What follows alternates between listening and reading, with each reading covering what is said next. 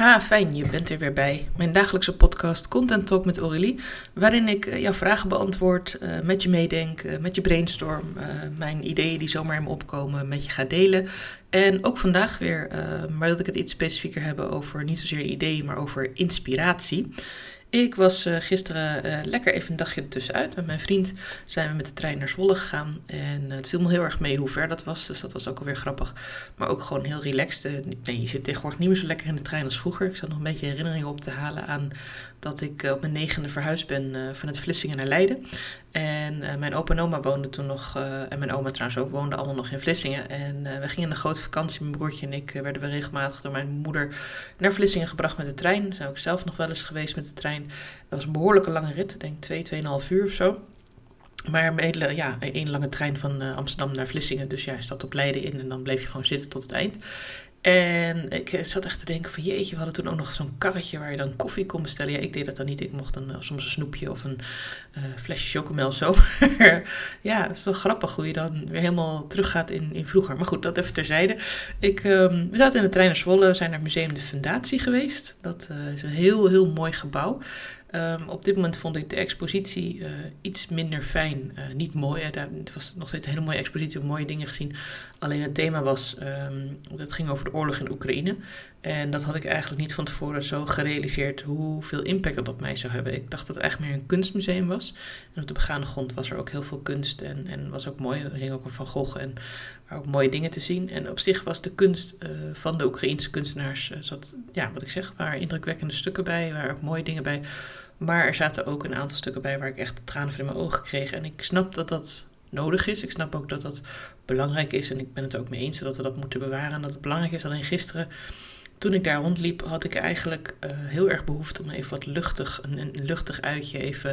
Het is best druk geweest, privé, ook met werk. Uh, het is ook druk geweest uh, ja, in, in allerlei zaken die gebeurd zijn, nieuws wat mij bereikt heeft. En af en toe denk ik wel eens van, ik wil gewoon heel even een beetje ontsnappen. Dus het uitje was ook gewoon even lekker, even, nou, ik had geen zin om te gaan winkelen echt, maar wel even lekker een beetje rondkijken in Zwolle. En ja, dat museum wilde ik al heel erg lang naartoe. Er was uh, eerder een hele mooie tentoonstelling, had ik gezien over fotografie uh, voor reclame en voor uh, campagnes, reclamecampagnes. Alleen ja, dat zijn allemaal tijdelijke tentoonstellingen, dus nu ging het dan over de Oekraïnse kunst.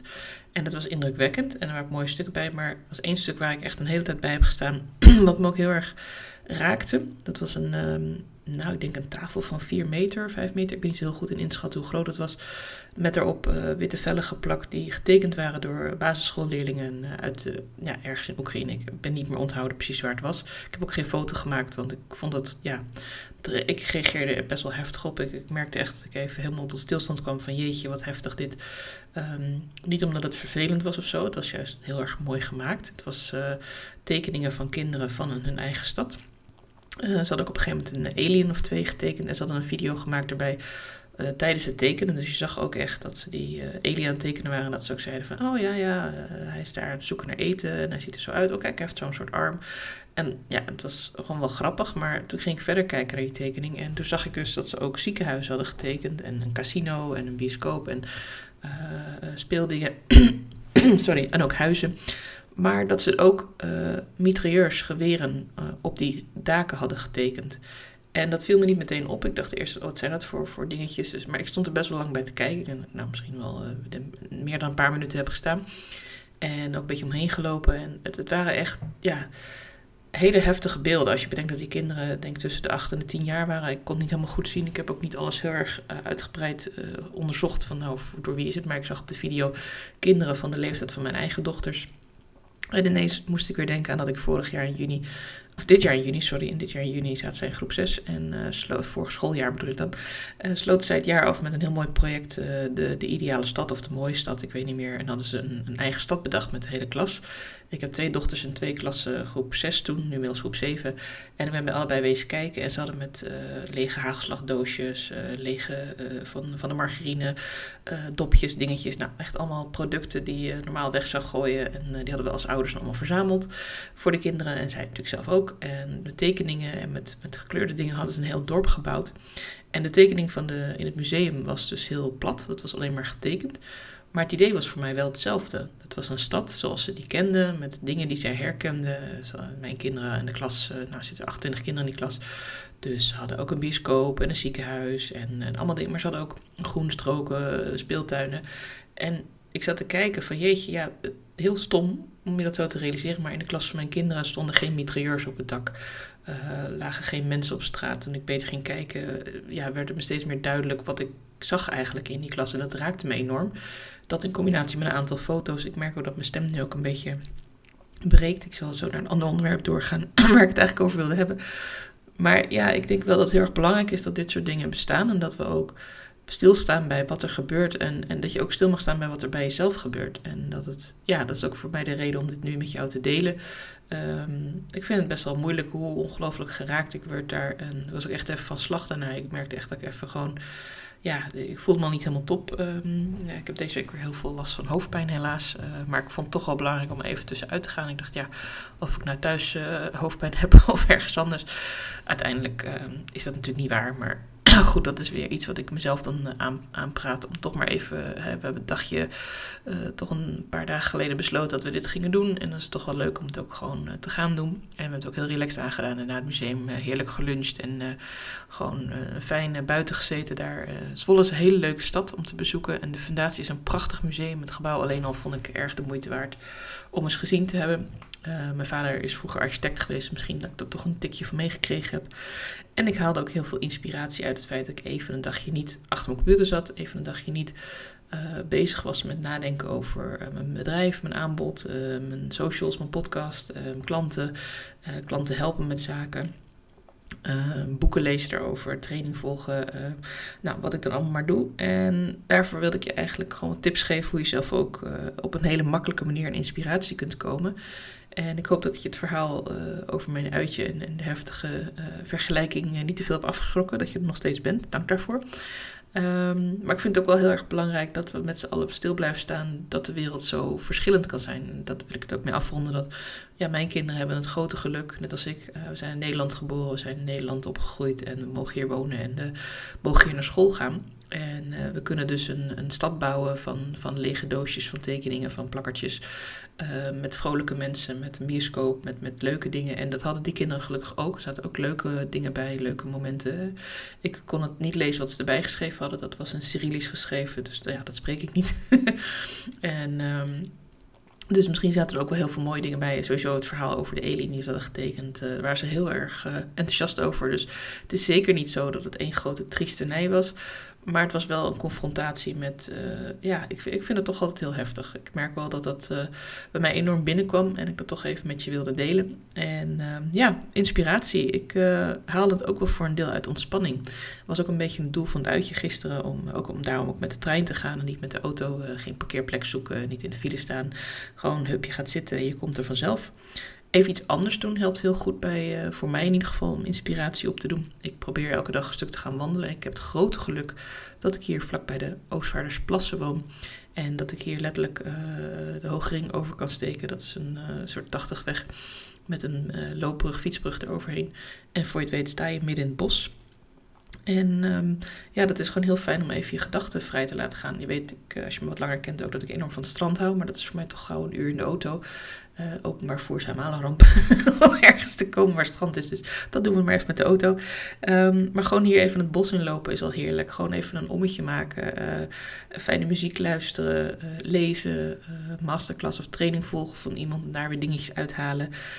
Um, even iets anders doen dan je elke dag doet. Zorgt voor mij al voor dat ik vaak heel veel inspiratie daaruit kan halen. Wat ook heel goed werkt is nou, tegen je podcast aanpraten. Oftewel praten over je passie. Praten over dingen die je bezighouden. En ja, dat kan heel goed werken om dat tegen iemand te vertellen. Het is natuurlijk ook heel leuk als diegene ook echt geïnteresseerd is of er iets meer van af weet. Maar ja, je kan ook bijvoorbeeld kijken of je het een keer aan je kinderen kunt uitleggen wat je doet.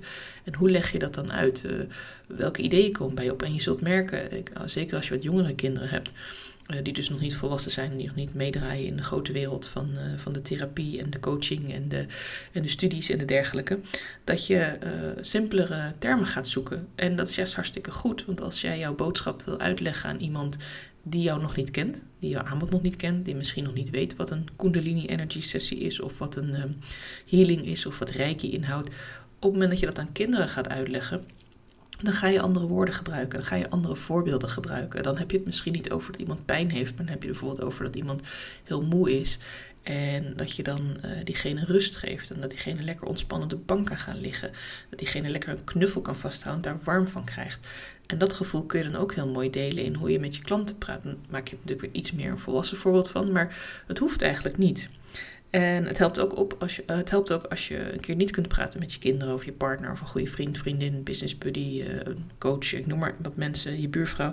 Helpt het ook om dingen op te schrijven. Helpt ook om gewoon uh, notitieboekjes door je hele huis te hebben. En um, stel nou dat je iemand bent die zich af en toe even terugtrekt, bijvoorbeeld op de wc, omdat je denkt, nou, ik moet even een paar minuten ontspanning van mijn gezin, de drukte, de katten, de hond die naar buiten moet. Ik ga even lekker uitgegooid op het toilet zitten en dan doe ik verder niks behalve dat ik door mijn telefoon zit te scrollen.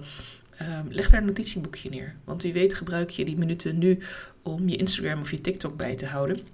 Maar kun je het ook gebruiken om uh, gewoon wat losse vlodder van ideeën op te schrijven. En je hoeft er ook niet altijd meteen wat mee te doen. Uh, wat bij mij heel erg goed helpt is het opschrijven. Want dan uh, zie ik het later terug en dan komen er weer nieuwe ideeën bij. Uh, ik moet mezelf ook altijd even terugroepen om niet meteen iets te hoeven doen met die ideeën. Niet meteen zo'n zo'n boekje mee naar boven moet nemen en meteen hupte urenlang verdwijnen in allemaal uh, nieuwe plannen of leuke posts of dingen. Ehm, maar je kunt je over je dromen schrijven, je kunt over je passie schrijven, je kunt een idee opschrijven. En misschien ga je het nooit gebruiken. Maar wat ik wel vaak merk is dat als je eenmaal een paar ideeën hebt opgeschreven, dan kun je die ideeën weer samenvoegen en dan komt daar weer iets anders uit. Dus ja, er zijn heel veel manieren om aan ontspanning te komen. Ik vat uh, op dingen die ik nu heb gezegd nog even voor je samen. Je kunt uh, zoeken naar ontspanning, even lekker even iets anders gaan doen. Um, een stadsbezoek, een museumbezoek, een film kijken. Hoewel echt dingen waarbij je informatie tot je neemt, zoals een boek of een film, dat merk ik wel dat het soms lastiger is om daar inspiratie uit te halen. En juist de natuur ingaan of een stad ingaan of, of uh, ja, echt ontspanning zoeken, massage, keer naar de uh, sauna of iets dergelijks. Uh, echt even helemaal loslaten. Dat werkt voor mij in ieder geval beter. Iets heel anders gaan doen dan je gewoonlijk doet. Uh, kan ook weer een uitje zijn. Kan ook zijn dat je eigenlijk nooit de tijd neemt om overdag een boek te lezen. Dat je nu zegt, nou, nu ga ik eens even lekker ervoor zitten. En ik blijf een uur in deze stoel. En ik ga lekker kijken of ik in dat uur ook een paar bladzijden kan lezen. Uh, praten over je passie. Bijvoorbeeld met goede vrienden, kennissen, business buddies, coaches. Maar kan ook met je kinderen zijn om het wat makkelijker te kunnen uitleggen. Om te oefenen met, hey, wat doe ik nou eigenlijk? En, en hoe kan ik die vliegtuigtaal schrappen? Waarmee ik het eigenlijk heel ingewikkeld maak en heel technisch.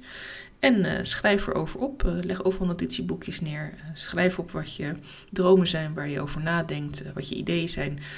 korte zinnen, lange zinnen, losse bullet points. Het maakt niet uit. Het is jouw notitieboekje. En het geeft ook niet als je niet meteen wat mee kunt doen met deze ideeën. Want uiteindelijk alles wat je aandacht geeft groeit. Dus ook jouw inspiratie. Wil je een keer verblijven met mij over kletsen? Stuur me gewoon even een DM op Instagram, Aurelie Veldma. Ik zet mijn uh, uh, Instagram natuurlijk weer in de show notes. En als je denkt van, nou, ik zou uh, eigenlijk wel eens wat van die inspiratie die er zo uitrolt bij Aurelie willen gebruiken op mijn eigen marketing. Omdat ik vastloop op mijn nieuwsbrief, vastloop op mijn socials. omdat ik wel de ideeën heb, maar eigenlijk geen idee hoe ik daar dan iets mee kan maken of hoe ik daar iets van kan breien Boek dan een blender sessie. Dan uh, gooi je jouw vraag, probleem, idee, uh, losse vlodders uh, in mijn blender. Ik gooi mijn creativiteit erin. En we zien gewoon wat er allemaal uitkomt. En ik weet zeker dat dat echt een hele mooie smoothie wordt. Waar je heel veel toffe acties uit kunt halen. En daar ga ik je ook mee helpen. Want je eindigt niet zomaar met wat losse ideetjes. Je eindigt echt met een plan van actie. En je mag me ook altijd daarna nog vragen stellen als je zegt, nou ik heb nu zoveel ideeën van je gekregen dat ik het even niet meer weet. Dan kletsen we gewoon nog even een keertje bij om, om het te structureren ordenen. Natuurlijk krijg je ook een opname van de blender sessie, zodat je het niet allemaal meteen hoeft op te schrijven. Dat je echt helemaal erin mee kunt gaan en met mij samen kunt brainstormen. Want het blijft jouw bedrijf en jouw aanbod. En ook jouw uh, content natuurlijk uiteindelijk die eruit komt. Um, dus ja, ook daarvoor uh, verwijs ik je even naar de show notes. Heb je daar vragen over of twijfel je of het iets voor je is? Stuur me gewoon een DM. Ik uh, reageer overal persoonlijk op. En het is helemaal geen probleem als het uiteindelijk toch niks voor je is. Dan hebben we in ieder geval weer even een verbinding gelegd en even kennis gemaakt. Ik wens je een hele fijne dag. Dankjewel voor het luisteren en tot mijn volgende podcast.